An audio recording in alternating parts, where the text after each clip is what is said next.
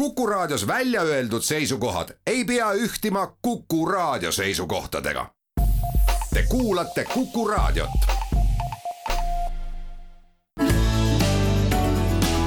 keskpäevatund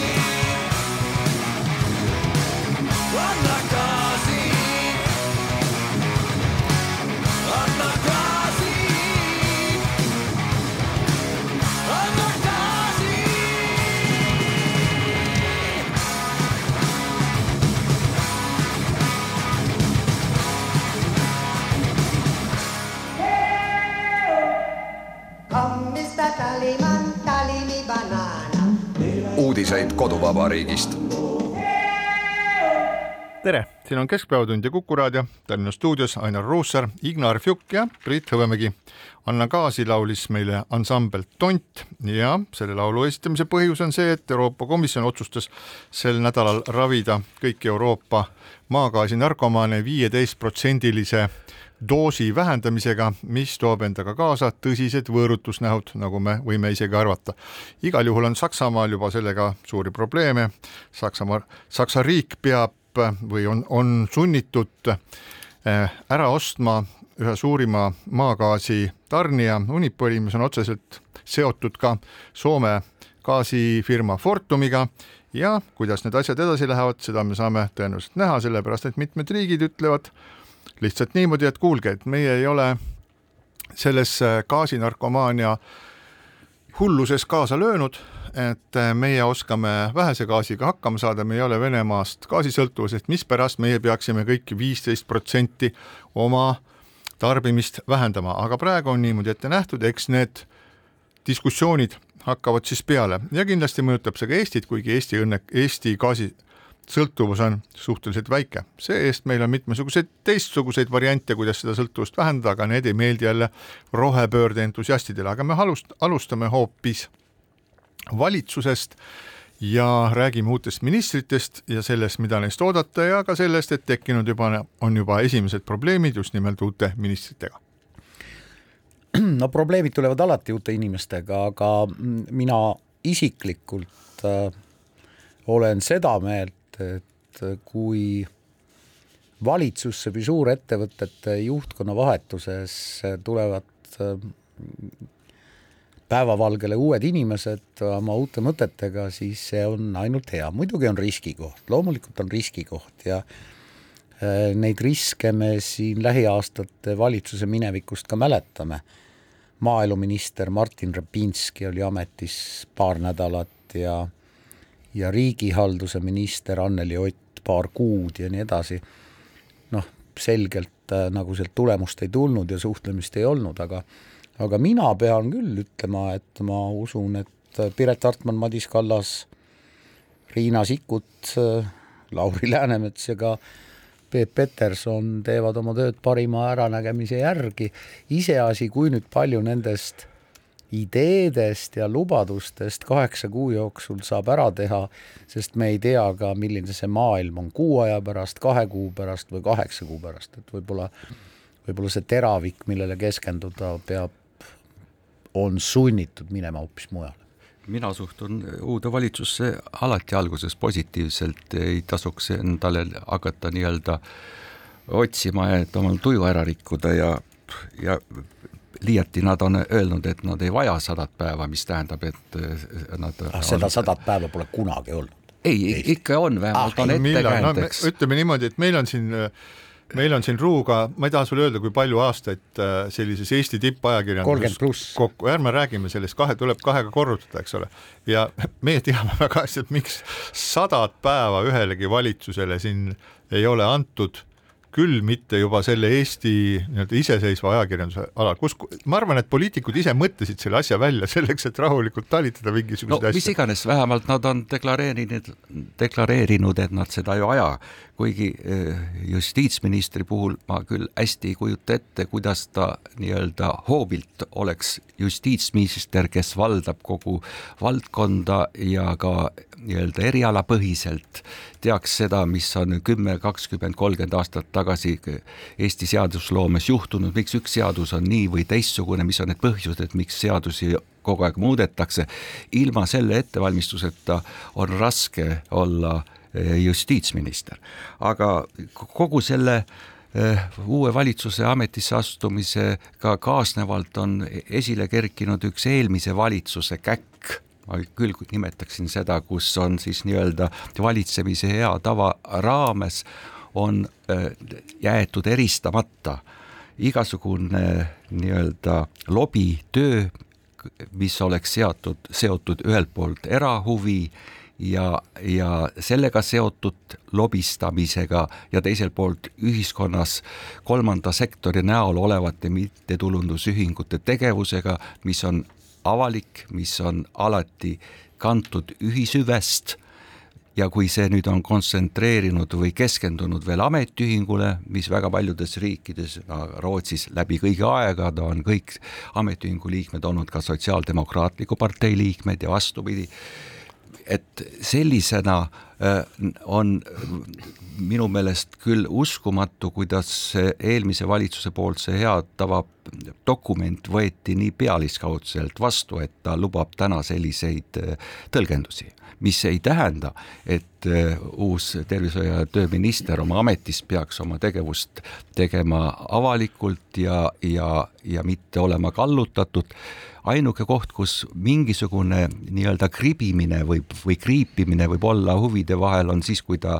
riigi esindajana peaks eh, olema kolmepoolsetel läbirääkimist, aga ka seal ei saa ta midagi nii-öelda kahes jopes teha, sest kõik otsused võetakse konsensuslikult vastu ja tööandjad ei lubaks midagi sellisel juhtuda. oota, oota, oota nüüd, ma saan aru niimoodi, et selles äh, nimetatud määruses, mis siis äh,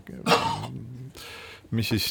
nii-öelda reguleerib seda lobitegevust, et seal on muuhulgas ka sõna-sõna, sõna-sõnalt öeldud, et ähm, ametiühingute juhtimisega seotud tegelased kuuluvad sellesse nimekirja. kusjuures seda ei ole niimoodi öeldud, seda Nii. on öeldud, et kes on lobist, lobist on isik, kes tegeleb lobitöö raames huvide eest seismisega tasu eest või tasuta ja siis on, järgneb näiteks võivad olla lobistiks advokaadid, konsultandid, avaliku suhete spetsialistid nii edasi. Ja ametiühinguid. nii, aga kui seal on kirjutatud, näiteks siis sul ju nende teiste nimetuste puhul ei tekkinud mingisugust probleemi, et seal advokaatide ja muude osas sul ei teki probleemi, aga, aga hetkel, kui siis Peep Petersonist saab siis äh, äh tööminister, korraga sul tekib probleem. Ja, mul... ja, ja ma arvan, see, see suurem küsimus on see, et ma olen kuulanud huviga, et seda avalikku diskussiooni sellel teemal. Ja mind nagu, mind jahmatab üks asi, et äh, arvamusliidrid, väga palju kuuluvad nad siis ajakirjanike või, või muude tegelaste hulka, nagu kipuvad jõuliselt õigustama siis Peep Petersoni eh, paigutamist ministri kohale ja ütlevad ja, ja leiavad mitmesuguseid põhjusi, et noh, et, et eh, kas pink on pikk või pink on lühike või et, et seal on kirjutatud nagu näiteks või et tegelikult ta ikkagi ei ole, aga selle kõige juures jäetakse täiesti tähele panemata see, see valitsuse määrus, kus on öeldud need, need, need ja toodud näide. mispärast nüüd korraga juhu sellisel, sellisel juhtumil, kui Peep Petersonist saab minister, korraga valitsuse määrus enam ei funktsioneeri ja väga paljud olulised inimesed hakkavad otsima põhjuseid, miks sellest mööda vaadata ja mis selle tulemus on. täna vaatame mööda ühest, homme vaatame teisest, siis kolmandast, neljandast milleks siis üldse kogu regulatsiooni tarvis on, kui niimoodi võib täitsa suvaliselt hakata endale otsima sealt äh, auku, kust läbi pugeda? ma täitsa äh,, ma tahtsin küll midagi öelda, aga Fjuk näitas mulle, et ma oleks vait. ei, mitte seda, aga ühesõnaga ma oma juttu alustasingi sellest, et antud juhul ei ole tegemist sellest, kas seda määrust täita või mitte, vaid ma ütlen, et see on algusest, algusest peale oma loogika ja printsiibi järgi, kus kolmas sektor tõrjutakse kõrvale ja poliitikasse saavad tulla nii-öelda ainult broileri farmidest üles kasvatatud inimesed, kellel puudub igasugune kogemus ja kaasamise ja, ja koostöö kogemus omavalitsuste või ka valitsusega, et selles suhtes see dokument, ma alustasingi sellest, see on lihtsalt saba ja sarvedeta ja halvasti koostatud. peaks olema eristatud erahuvi ja ühishüve no absoluutselt, aga seda seal ei ole tehtud. absoluutselt, Putin ütleb ka, et see on, see on mingi piir Ukrainaga, see on ju mingi jama, ühesõnaga. Seda ei oleks kohe algusest pidanud olema, oleks pidanud olema teises kohas. Ja parem kui üldse mitte midagi öelda. et kui sa, sa, sa nagu tood kogu see, viid probleemi üldse nagu sellest praegusest hetkest välja, viid selle kuskile eelmise valitsuse juurde, et näed, et nemad tegid midagi valesti, võib-olla tegidki. Ja nüüd on meil siis, äh, meil siis tekkinud probleem. Et kas oleks pidanud ette nägema, et äh, Peterson äkki tuleb või, või kuidas sa tunnista seda olukorda, mis on praegu, et valitsuses on inimene, kes ei peaks seal olema selle praegu kehtiva regulatsiooni järgi ja, ja äkki on sellel mingisugune, ma ei tea, mingisugune teistmoodi lahendus et kas ta näiteks astub tagasi või, või siis äh, muudetakse seda regulatsiooni, mis jätaks omakorda niisuguse naljaka mulje. see oleks täitsa, see oleks täitsa napaks, aga niimoodi edasi minna ka ei saa, igaüks võib öelda, et näed, et see regulatsioon on täitsa jampslik, mis tehti kaks aastat tagasi ja las ma nüüd istun siin. vaadake, siin on mehed, te teate sama hästi kui mina, mitu tahku. Äh, üks neist tahkudest on see, et äh, minu andmetel on igas ministeeriumis ja ka ja ka valitsuse kõrgemas ladvikus tööl õiguseksperdid, kes oleks pidanud enne meie raadiosaadet ja enne eilset ajalehte sellele tähelepanu pöörama. et selline määrus on, selline minister on, kuidas seda olukorda lahendada ja mitte lihtsalt öelda, et üks minister nimega see ja see ei sobi, sest et kaks aastat tagasi võeti vastu mingi määrus, vaid kuidas seda olukorda lahendada, selle eest saavad need äh, Tartu Ülikooli juuraharidusega, loodetavasti ikkagi ülikooli juuraharidusega inimesed palka, see on esimene asi. teine asi on see, et öelge mulle üks tippjuht ja minister on vaieldamatult Eesti riigi üks kõige kõrgemaid tippjuhte, kelle juures regulaarselt ei käi lobistid. härra peatoimetaja, käivad ju lobistamas sinu juures ka igasugused tegelased. sa pead nendega toime tulema sa pead nendega hakkama saama, sa pead olema piisavalt tark, et aru saada, aga äkki mõnel neist on ka tõsiselt iva taga, tõsiselt mingisugune hea idee, aga võib-olla ei ole. ehk siis see on väga keeruline ülesanne, aga see on umbes kolmandik ministri tööst, ma julgen küll väita. et kui, kui spordialaliitude esindajad tulevad äh, äh kultuuriministri juurde ja ütlevad, et kuulge treener saab siin tuhat kakskümmend eh, eurot palka, et äh, kuidas sellesse siis suhtuda, et noh, kas kohe mõelda seda, et äh, uurime välja, kui palju treener siis veel saab palka kehalise kasvatuse õpetajana ja nii edasi, aga võib-olla see on vale tee, ma ei tea. aga, aga see, et lobi käib ministri tarkade või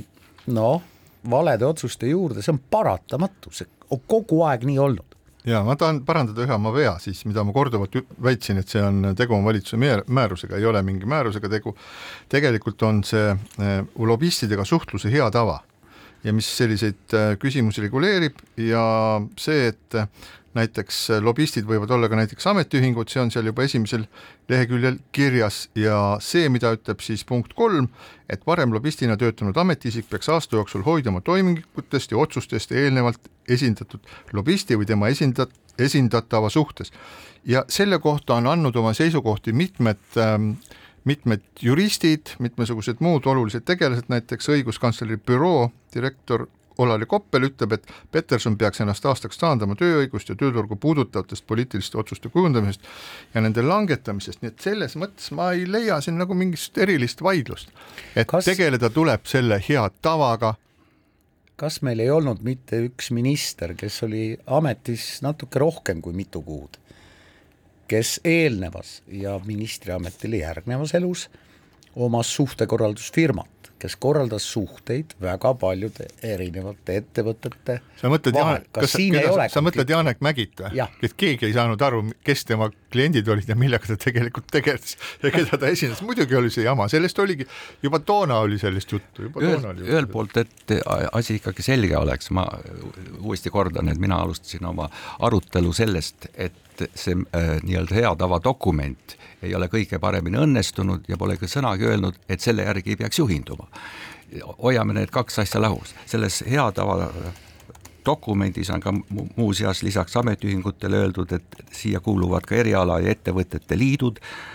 ja avalikku elu mõjutavad nende huvisid esindavad organisatsioonid ja nii edasi, nii et siia kuulub ka see inimene, kes on näiteks seotud Eesti Puuetega Inimeste Kojaga või Tarbijakaitse Liiduga või Tööandjate Keskliiduga või, või Turismi- ja Reisifirmade Liiduga ehk ükskõik milline kolmanda sektori tulu, mittetulundusühing mahub selle alla. ehk see dokument ütleb seda, et kõik need, kellel on mingisugune ühiskondlik aktiivsus ja tegevus selles valdkonnas ei tohi aasta jooksul astuda ühtegi sammu mitte ainult valitsuse, vaid ka Riigikogu pool, mitte ka omavalitsusse, kohalike omavalitsuste valimistel saada valituks ja kandideerida sel juhul on see dokument jabur riigis, kus on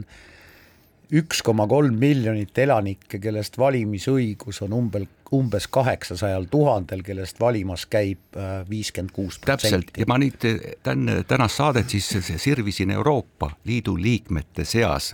neil on kõigil praktiliselt see dokument olemas, neljal riigil ainult ei olnud seda. ja kuskil ma ei leidnud ametiühingut ja kolmanda sektori eh, eh, nii-öelda mittetulundusühinguid. Igal okay. pool on see konkreetselt erakapitali ja erahuviga seotud lobistamist nii-öelda äh, reguleeriv dokument. no väga hea, nüüd ma, ma selle diskussiooni tulemusena ma saan aru, et me hakkame nüüd jõudma mingisuguse sellise täiesti ratsionaalne punktini, ratsionaalse punktini, millest võiks ka lähtuda, ma to tooksin, täpsustaksin ka seda Janek Mägi küsimust, et Janek Mägi oli riigihalduse minister äh, maist kaks tuhat kaheksateist kuni aprill kaks tuhat üheksateist ja see lobistidega suhtlemise hea tava võeti vastu alles märtsis kaks tuhat kakskümmend üks, nii et äh, Janek Mägi puhul võisid olla küll küsimused, aga väita seda, et Janek Mägi siis teadlikult kuidagi oleks eiranud head tava, et seda me ei ütle ega saagi öelda. nii et äh, Ignar, mis on siis sinu selline konkreetne ettepanek, sa ütled, et võiks võtta selle võiks avalikult tunnistada, et see hea tava loomine,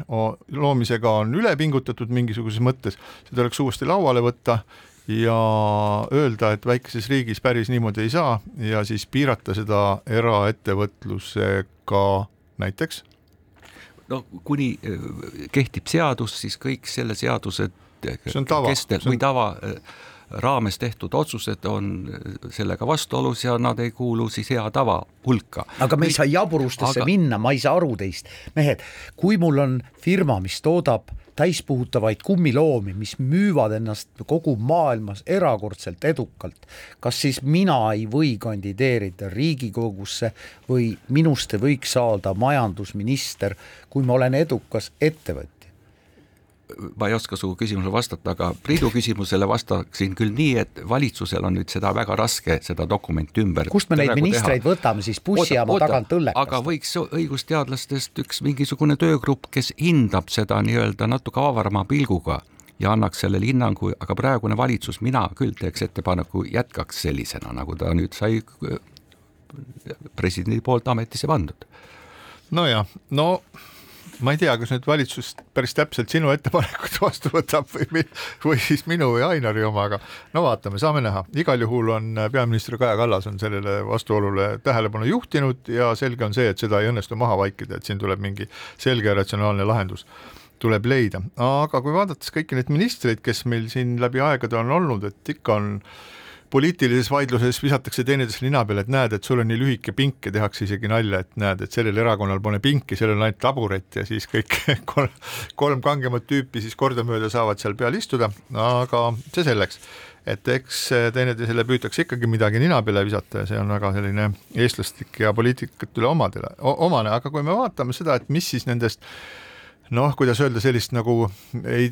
juhuministrid oleks nagu palju öeldud, aga sellist ad hoc ministrit, kes, et ohoo, et võib-olla paneks selle või võib-olla paneks teise, et siis, et kuidas nende käsi on pärast käinud, siis see käekäik on olnud päris selline no kuidas öelda, kas konarlik või okkaline, kui me meenutame siin äh, Martin Repinskit, kes äh, Keskerakonnast, kes siis äh, sai su suhteliselt lühikest aega olla minister, pärast küll olid tal probleemid kitsekarjatamisega, hiljem Riigikogus olid tal takso sõitmisega igasugused probleemid. noh, meenutame siis ähm, Gerd Kingot, kelle, kes oli ka nii-öelda kuidas öelda, must hobune, kes tuli siis äh, valitsusse ja see valitsus muidugi langes mõne aja pärast huvitavatel põhjustel, siis meenutame Anneli Otti, kes ei soovinud ennast kõige hullemal pandeemia ajal sugugi eh, vaktsineerida, siis meenutame ka eh, Marti Kuusikut, kes oli ka üks EKRE ministritest ja kelle kohta kohus on tänaseks otsustanud siis nii, et Marti Kuusik ei ole kellelegi mingisugust liiga teinud, nii et Marti Kuusik on seaduse silmis puhas mees, rõhutame seda siin, aga mida me kokkuvõtlikult võime öelda, et kõik need nii-öelda varrukast võetud äh, nimed, oo, meil on siin uued äh, vahvad inimesed, keda me tahaksime poliitikasse tuua, et äh, need inimesed paistab, et need poliitikasse eriti kinni ei jää. Või tooge mulle mõni näide, kus on siis leitud nii-öelda kuskilt mõnest kohalikust omavalitsusest väga äge selline poliitik, kes nüüd tänase päevani Eesti riigi juhtimise juures istub. no mina ei tea, minul on ka teistsuguseid näiteid. No,, minule näiteks Kristjan Jaani endine siseminister jättis küll väga sümpaatse mulje ehkki kohe pärast seda, kui ta enam minister ei olnud, lahkus ta nii erakonnast äh, äh, ja noh, sinna erakonda astumine oli ka soovitus, mis sarnanes korraldusele. ma nagu saan aru, et nüüd on tal ka keeruline olukord, sellepärast et ähm, vana töökohta enam tagasi ei saa ja uut töökohta juba tänu oma vahepealsele karjäärihüppele parteisse, siis on nagu keeruline leida. no nii on jah, et, et vot see see katse on ju Eestis tehtud, et, et luua valitsus, kus ministri portfell ei ole ilmtingimata seotud parteipiletiga, aga noh, see lõppes ka, lõppes ka üsna kiiresti. kuidas poliitikasse tullakse, on nagu kaks viisi, üks on eriti nüüd me oleme juba kolmkümmend aastat iseseisvas Eestis olnud, et läbi noorpoliitiku põlve, kus sa algul alustad plakatikleepjana ja siis äh, mingisuguse juhtmena või seda kutsutakse ka äh, ministri või Riigikogu juhatuse liikme nõunikuks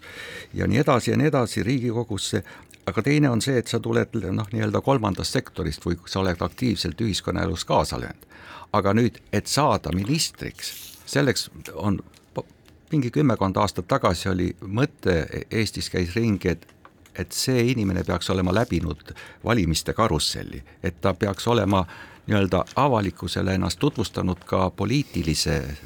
eh, loomana, et ei ole võimalik, et, et sa lähed poli-, kõrgesse nii-öelda pilotaaži poliitikas ja sul puudub selleks kogemus ja sul puudub ka nii-öelda valija poolt läbikompamine, mis tähendab seda, et valija läbi valimiste otsib üles kõik su luukered, kõik sinu head ja vead ja sellega annab sulle teatud mõttes äh, nii-öelda mandaadi, kas sa sobid ministriks või ei sobi, need Priidu poolt nimetatud nimede puhul väga paljudel oligi, et neil puudus igasugune poliitiline kogemus ühelt poolt ja teiselt poolt ka valija ei teadnud, kellega tegemist. nii on ja üks oli veel, Kaimar Karu tuli meelde ja siinkohal väike paus. keskpäevatund. ja Keskpäevatund jätkab, Ainar Ruussaar, Ignar Fjuk ja Priit Hõbemägi. Räägime nüüd sellest, kuidas ähm, gaasinarkomaane ravitakse. ma mõtlesin, et kas siis äh, see üldine regulatsioon, et Euroopa Liidus peavad kõik liikmed, peavad hakkama oma gaasitarbimist viieteist protsendi võrra vähendama, et kas see võiks tähendada ka seda, et suitsumees võtab siis endale eesmärgiks kasutada oma gaasivälgumihklit viieteist protsendi võrra vähem selleks, et ikkagi, et nagu öeldakse, iga, iga tsäks maksab, eks ole, et äh, võib-olla suudame siis rohkem kokku hoida. no, no äh, siis tuleb vahetada teise välgumihkli vastu, mida saab täita bensiiniga. nii, aga, aga siin on veel palju mitmesuguseid erinevaid variante, et noh, et me jõuamegi siin juba, meil on juba metafoorid, mis nagu viivad meid põlevkivi ja põlevkiviõlini, ühesõnaga, et miks mitte hakata kasutama tikke, kuigi tikkudest tõusev siis süsinikdioksiid omakorda siis rikub meie atmosfääri ja kuumutab maad. Rohkem, no igal juhul on, oleme jõudnud sellisesse olukorda, et päris mitmed päris mitmed omavalitsused Eestis on selle kõige kummitava gaasinappuse valguses öelnud, et kas oleks võimalik välja kuulutada hädaolukord ja üks siis ähm, kohalik omavalitsus on juba sellega hakkama saanud, kuulutame välja hädaolukorra ja hädaolukorras on võimalik hakata nii-öelda siis ähm, katlamajas gaasi asemel kütma põlevkiviõli. põlevkiviõli toodavad siis mitmed ettevõtted Ida-Virus, VKG üks suurimaid, müüb siis peamiselt seda laevakütuseks ja muudeks otstarveteks ja me mäletame, paar aastat tagasi oli selline üldine ilkumine siis põlevkivitööstuse, põlevkiviõli tootjate, VKG üle, et noh, et, et teil on mingisugune räpane äri, te tegelete mingisuguse musta maavaraga ja see maakera on juba nii kuum, et üldse olla ei saa ja see asi tuleb kiiremas korras ära lõpetada. Ja tänaseks päevaks, kuhu me oleme siis jõudnud, me oleme jõudnud sinnamaani, et nõutakse siis rahva volitatud esindajate poolt seda, et lubage palun meil põlevkiviõli kasutada selleks, et mitte talvel külma jääda. Ja nii nagu mina olen selles saates korduvalt öelnud, et kui meil on valida, et kas külmume rohe-eesmärke jälgides surnuks talvel või siis tossutame oma põlevkivi ja põlevkiviõli ja oleme talvel soojas, siis tuleb valida teine ja küll juba järgmisel suvel mõtleme selle peale, kuidas me ikkagi saaksime võib-olla parandada tehnoloogiaid, et sealt ostu tuleks tuleks vähem, võib-olla saaks CO2 kuidagi siduda, kindlasti tekivad mingisugused uued tehnoloogiad, mis seovad äh, seda CO2 paremini kui tänasel päeval, mida siis, mis vallandub äh, põlevkivi tootmisel ja nii edasi ja nii edasi, aga põhiline on see, riigi asi on oma kodanike julgeolek tagada. Meil tagatakse seda kaitseotstarbel siis välisjulgeoleku osas väga tõsiselt ja sellega tegeletakse, aga meie sisemine julgeolek, mis muuhulgas on ka see, et kodud oleksid soojad ja lastele ei peaks ööks villas, kahte paari villaseid sokke jalga tõmbama, see on ka selle valitsuse töö ja mulle tundub, et siin oleks siiski vaja natukene selgemaid ja konkreetsemaid samme veel, see, et kohalikud omavalitsused ei peaks ükshaaval pöörduma siis sellise sooviga, et palun lubage meil ka veidikene hädaolukorda välja kuulutada, selleks et me saaksime põlevkiviõli kasutada. ega soe tuba ja see, et äh, koolis käiva lapse laual meil ikkagi valdavalt pimedal ajal põleb vähemalt üks häguse pirniga laualamp, et ta ei peaks päris pimedas istuma, on ka, on ka osa julgeolekust. mitte inimõigusest, vaid osa julgeolekust. ja mm, ma kirjutan kahe käega alla Euroopa rohelise kokkuleppe eesmärkidele muuta Euroopa aastaks kaks tuhat viiskümmend kliimaneutraalseks. aga ma tõepoolest äh, olen sinuga, Priit, või sinu mõttekäiguga selles mõttes nõus, et aastani kaks tuhat viiskümmend on meil aega kakskümmend kaheksa aastat ja kui me mõtleme kakskümmend kaheksa aastat ajas tagasi, siis tegelikult tehnoloogia on tõepoolest nii palju arenenud, et see on üks meie lootusi. teine on see, et äh, ma ei ole päris hästi aru saanud, kui tõsiselt ma pean suhtuma sellesse hirmu, et gaasi ei jätku. või sellesse hirmu, et nüüd kohe, juba täna, sest praegu on juba kohe käes august, tuleks hakata mõnesid suuri Eesti katlamajasid noh, ümber ehitama, sellepärast et äh, nad on gaasiküttel, aga nad tuleb siis viia kas paralleelküttele, kus kasutatakse ka põlevkiviõli või ainult põlevkiviõlile. Ja ma tõesti ei tea, noh, põlevkivi meil jätkub, see on tõsi, veel mõnda aega. Ehk siis see kriis meid lähema poole sajandi jooksul ees ei, ei oota. seda ah, see, mida Priit mainis, seda põlevkivi suhtes ja selle kaevandamisega seonduva nii-öelda äh, noh, halva valguse all näitamine, see oli ka väga sageli seotud sellega, öeldi, et ega me seda muidu seal ei kaevandaks, aga vaat seal on need nii-öelda Narva inimesed, kes vajavad tööd ja kuidas te seda olukorda siis kõike lahendate, kui nad töötuks jäävad. samas nägemata seda suurt pilti. ja selle suure pildiga ma nüüd paar kommentaari tahaks ka öelda, et täna on punkt üks, gaas on ja nagu ei ole, me ei tea, kauaks teda on ja see on seotud sõjaga. aga teiselt poolt on lisaks sellele sõjale on e-, energiakandjate hinnatõus, mis ei, ei väljendu ainult kas siis naftas või gaasis või küttepuudes või pelletites, aga ka elektris, mida, mis ei, mille hind ei ole seotud sõjaga, vaid Nord Poolist, mille suhtes me oleme olnud talumas seda nii-öelda ebaõiglast börsisüsteemi, kus hinda dikteerib mitte parim pakkuja, vaid nii-öelda tarbija seisukohast viletsam pakkuja. ja selles kontekstis nagu meil on nagu kaks valdkonda või kaks positsiooni, üks on see, et me peaksime talve üle elama, me peaksime vaatama, kuidas lähema pooleteise aasta, kahe aasta jooksul hakkama saama. ja see sisaldab ka seda, mida mingi energiakandja maksab, aga teiselt poolt just selle julgeolekuga tegelemiseks on nagu kaks teemat, üks on see nii-öelda äh, hetkel äh, nii-öelda äh, fossiilsete kütuste ja põlevkiviõliga seonduva nii-öelda taaselustamine, aga veel olulisem on rohepööre ja seda, selle täita sisuga ja mis tähendab kogu energia tootmise hajutamist, mis on meie nii-öelda julgeoleku nurgakivi ja viia see kaasaegsetele teemadele, tuulikud. Ja mina küll ei kujuta ette, et see valitsus asub nüüd tegevusse ja neil ei ole ühte ministrit, kes kogu selle kompleksiga nii lähivaates energiajulgeoleku kui kaugvaates julgeoleku,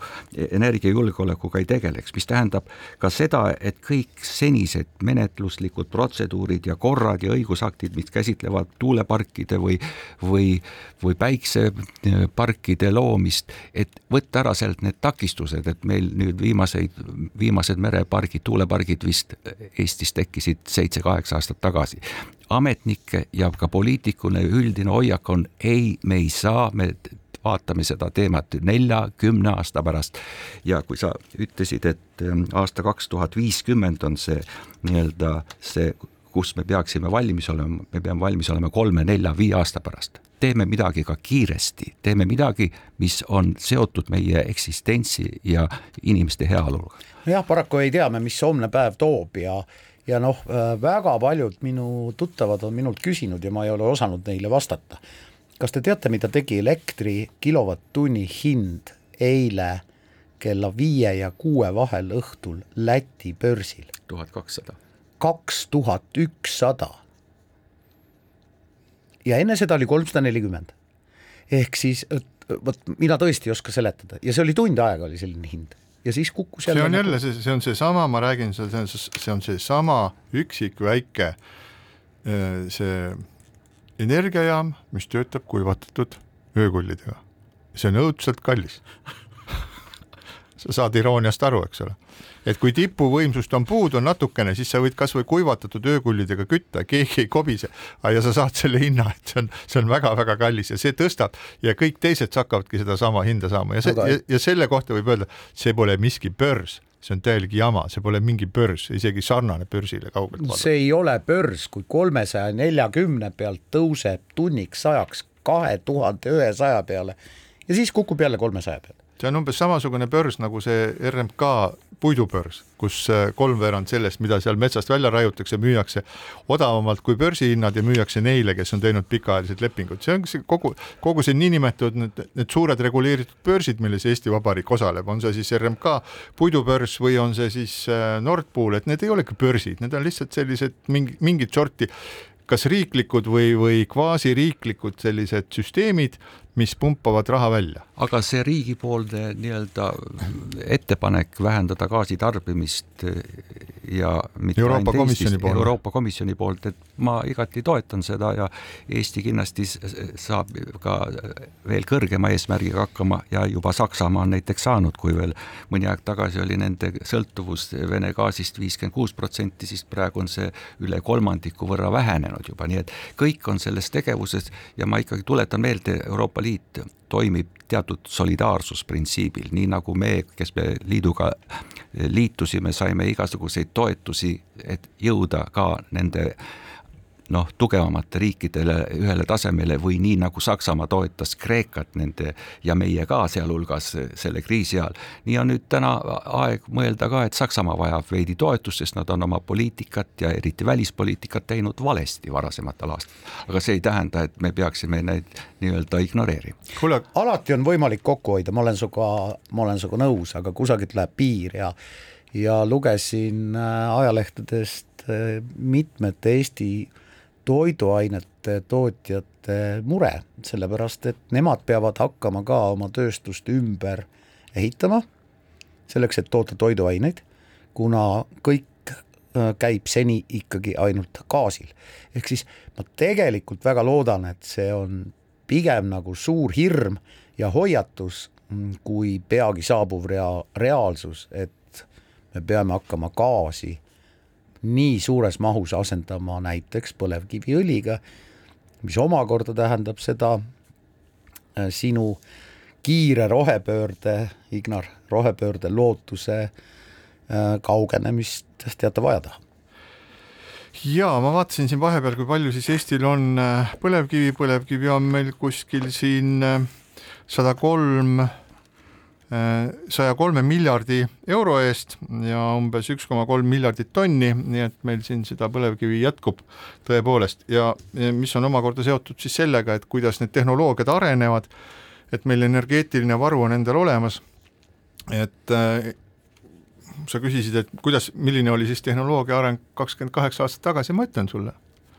üldkasutatavat internetti veel ei olnud. ei olnud. see tuli tuhande üheksasaja üheksakümne viiendal aastal koos sellega, kui kõik suured meediaväljaanded said korraga üle globaalselt üle maailma, sealhulgas ka Eesti omad, hakata oma väljaandeid siis veebi üles panema. täpselt nii, Priit, kõige rikkamatel inimestel olid esimesed mobiiltelefonid, mis olid umbes sama suured nagu keskmine diplomaadi kohver ja millega sai rääkida ainult Tallinna kesklinnas. ja ei olnud olemas siis sellist nagu üldkasutatavat internetti selles mõttes, e-, ei olnud olemas otsimootoreid, kus, kus me sellisel kombel, nagu me praegu, kus me saame nagu leida mida iganes, mis äh, maailmas on, ei olnud sotsiaalmeediat, äh, jumal tänatud, võiks öelda, inimesed pidid lihtsalt kokku saama üksteisega ja siis rääkima kuuluti edasi. ei olnud tasuta puud... transporti. ei olnud tasuta transporti jah, maapiirkondades ja ei olnud ka siis Äh, puutetundlike ekraaniga seadmeid, mis on maailma täiesti teistpidi pööranud. Ja Ignarile ma ütleks veel seda, et tõepoolest, et sa juhtisid õigesti tähelepanu sellele, et keegi peaks vaatama ka kaugemale, aga sel hetkel, kui maja põleb, ma mõtlen, mõeldakse selle peale, et kuidas see vesi kaevust kiiremini kätte saada ja tulle visata, aga ei hakata arutama päästeteenistuse arendamise probleemide üle järgmise viieteistkümne aasta jooksul. Ja siinkohal väike paus keskpäevatund. ja Keskpäevatund jätkab, Ainar Ruussaar, Ignar Fjuk ja Priit Hõbemägi. räägime natuke tervisest ka siia saate lõpupoole ja üks asi, mis mind on pannud hämmastama selle uue valitsuse juures, on see, et kui alles hiljuti otsustas äh, Reformierakond, mis siis mõnda aega suutis ka üsna efektiivselt üksinda valitseda, tegi mitmesugused äh, sellised olulised otsused, üks nendest oli see, et et äh, taasterahastust ei, taasterahastust ei toetata Tallinna haigla ehitamist ja mõningaid muid aspekte oli veel, siis äh, vaevalt lõpevad koalitsiooniläbirääkimised, vaevalt koguneb uus valitsus, kui juba istuvad laua taha inimesed, kes hakkavad rääkima nii ja nüüd siis see ja see Tallinna haigla asi ka, et seda asja peaks nüüd uuesti hakkama, uuesti hakkama arutama ja siis ma mõtlen ja paar sellist aspekti oli veel siis ma mõtlen, et kas inimesed punkt üks ei tea üldse, mis ümberringi toimub. Neil on mälu veel lühem kui haugil, umbes üks-kaks sekundit, nad ei tea, et mille jaoks on raha eraldatud ja milleks ei ole. või kolm, nad lihtsalt panevad tuima ja otsustavad, aga meid see ei huvita, mida siin on otsustatud, meid see ei huvita, milleks on kokku lepitud ja lihtsalt ajame tuimalt edasi. Ja nüüd ongi see, kui ma tervishoiu teemal ongi juba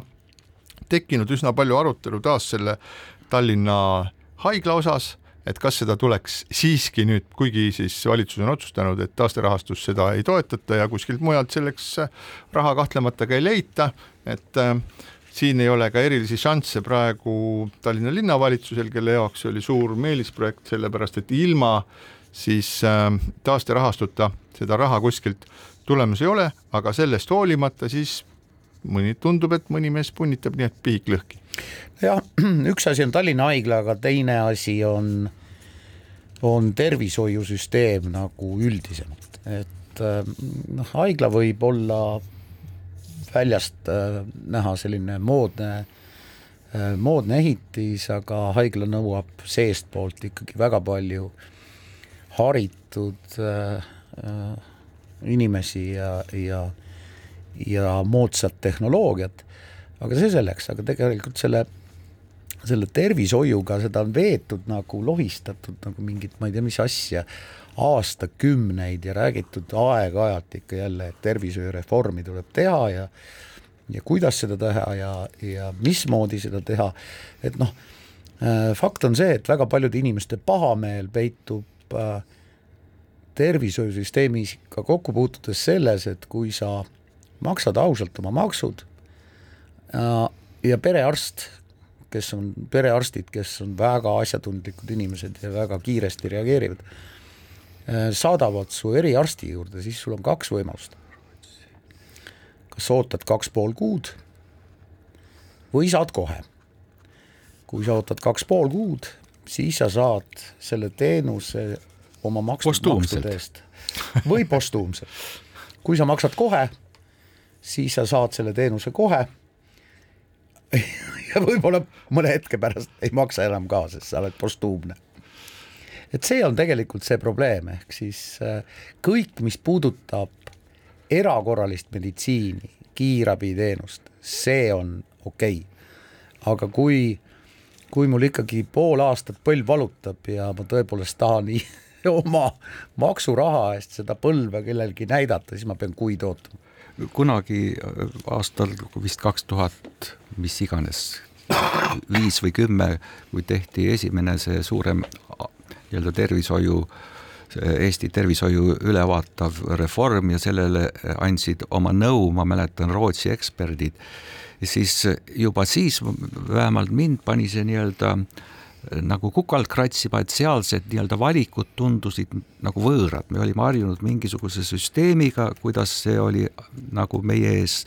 meid teenindanud ja need muutused, noh, seal oli ka, et vähendada väike arv, väikehaiglate arvu ja kontsentreerida spetsialiste rohkem nii-öelda suurematesse keskusesse, kus oleks vähemalt kakskümmend tuhat klienti, kes võiksid seda teenust saada, siis väga suures osas kõik see on ju tänaseks toimunud. Aga nagu iga asjaga toimub, on, toimub ka siin teatud, nagu öeldakse,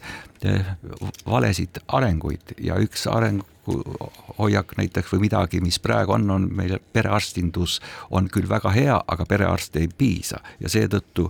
viimane audit, mis tehti, näitab näiteks seda et, et viiskümmend protsenti erakorralise meditsiini osakonnast äh, toimunust võiks olla lahendatud läbi perearstide. Kuigi me teame, et erakorraline meditsiin antud juhul on ju kordades kallim kogu see, selle nii-öelda abi osutamine. ja mõned veel sellised teemad, mis näitavad, et no näiteks, et väikehaiglatest nii-öelda kogukonna äh, keskseid selliseid haiglaid teha, kus käib nii-öelda tervisehooldus ja, ja ka väiksemaid äh, tegevusi võiks teha ja kuhu koonduksid ka perearstindus oma keskusega, aga sellele vaatamata on üks, üks Priidu poolt mainitud see Tallinna haigla teema nüüd korra siin, korra sealpool ja mida rohkem selle teema ümber juttu aetakse, seda rohkem ma saan aru, et see teema vajab lahtirääkimist ja selgitamist. et Mart Einasto nädalapäevad tagasi Postimehes ilmus väga nagu huvitav artikkel, kus ta tõi kõik need välja nii-öelda kitsaskohad, mis vajavad läbimõtlemist. sellele vastas Arkadi Popov, mõned ta nendest kummutas, aga mõnedes suhtes nii-öelda, kuivõrd see on tema teema ja tema töö eh, üsna demagoogiliselt eh, suhtus sellesse, aga igal juhul see näitab ühte suurt puudust kogu teemas, kui Tallinna Haigla kaks tuhat viisteist nii-öelda kavandati oma mahus ja oma, oma eesmärkides, siis lähtuti sellest, et haiglakohtade arvu vajadus pidevalt kasvab ja seetõttu sellist haiglat on vaja. nüüd viimaste aastate praktika näitab mitte ainult meil, vaid igal pool arenenud riikides, et haiglakohtade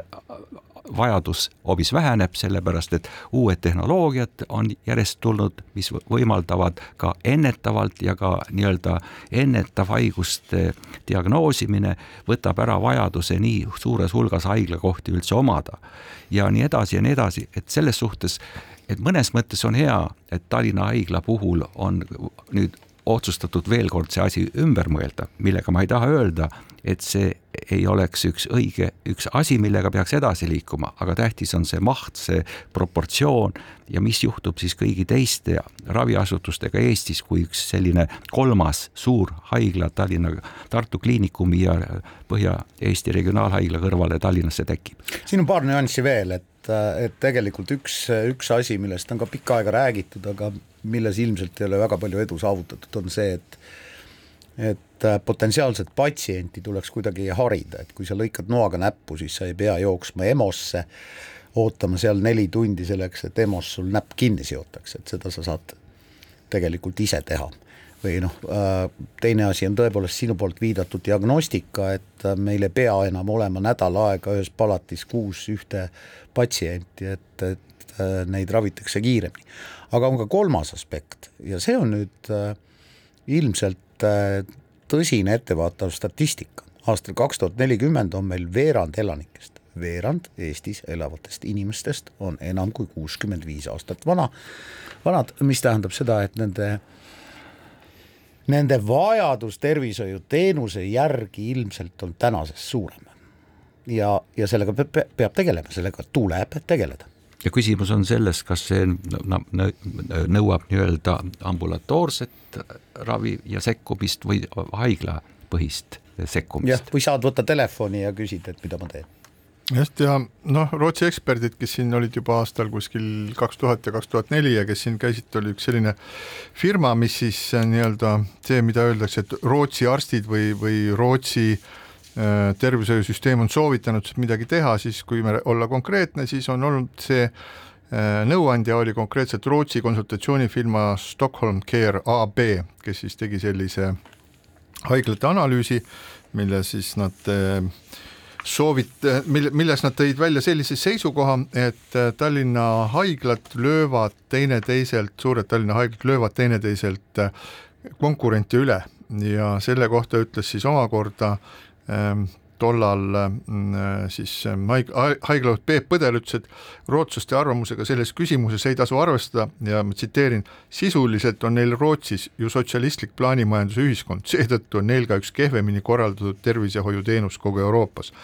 mujal maailmas on sarnane konkurents igal pool olemas, rootslaste sellise arvamusega oleme juba harjunud, nad kordavad seda igas töös. no ütleme, et see, mis Rootsi ja sotsialism on üks, üks küsimus, siis kindlasti tuleb arvestada seda, et ehkki seal oli selle äh, uuringu tegemisel siis küsitleti umbes kaheksateistkümmet tervishoiuspetsialisti Eestis, siis niikaua, kuni siin kohe esimesel hetkel, kui ei näe, kes need inimesed on, keda on küsitletud, et ka see nende inimeste nimekiri kindlasti ütleb väga palju selle kohta, mida nad soovitasid ja ütleme veel nii, et kui me mõtlesime selle peale, et kakskümmend kaheksa aastat tagasi ei olnud meil üldkasutatav internetti, siis kakskümmend aastat vana haigla projekti, ma arvan, ei tasu tõsiselt enam võtta. aga siinkohal peame täna lõpetama, veetke ilus nädalavahetus, kohtume taas nädala pärast, kõike head. keskpäevatund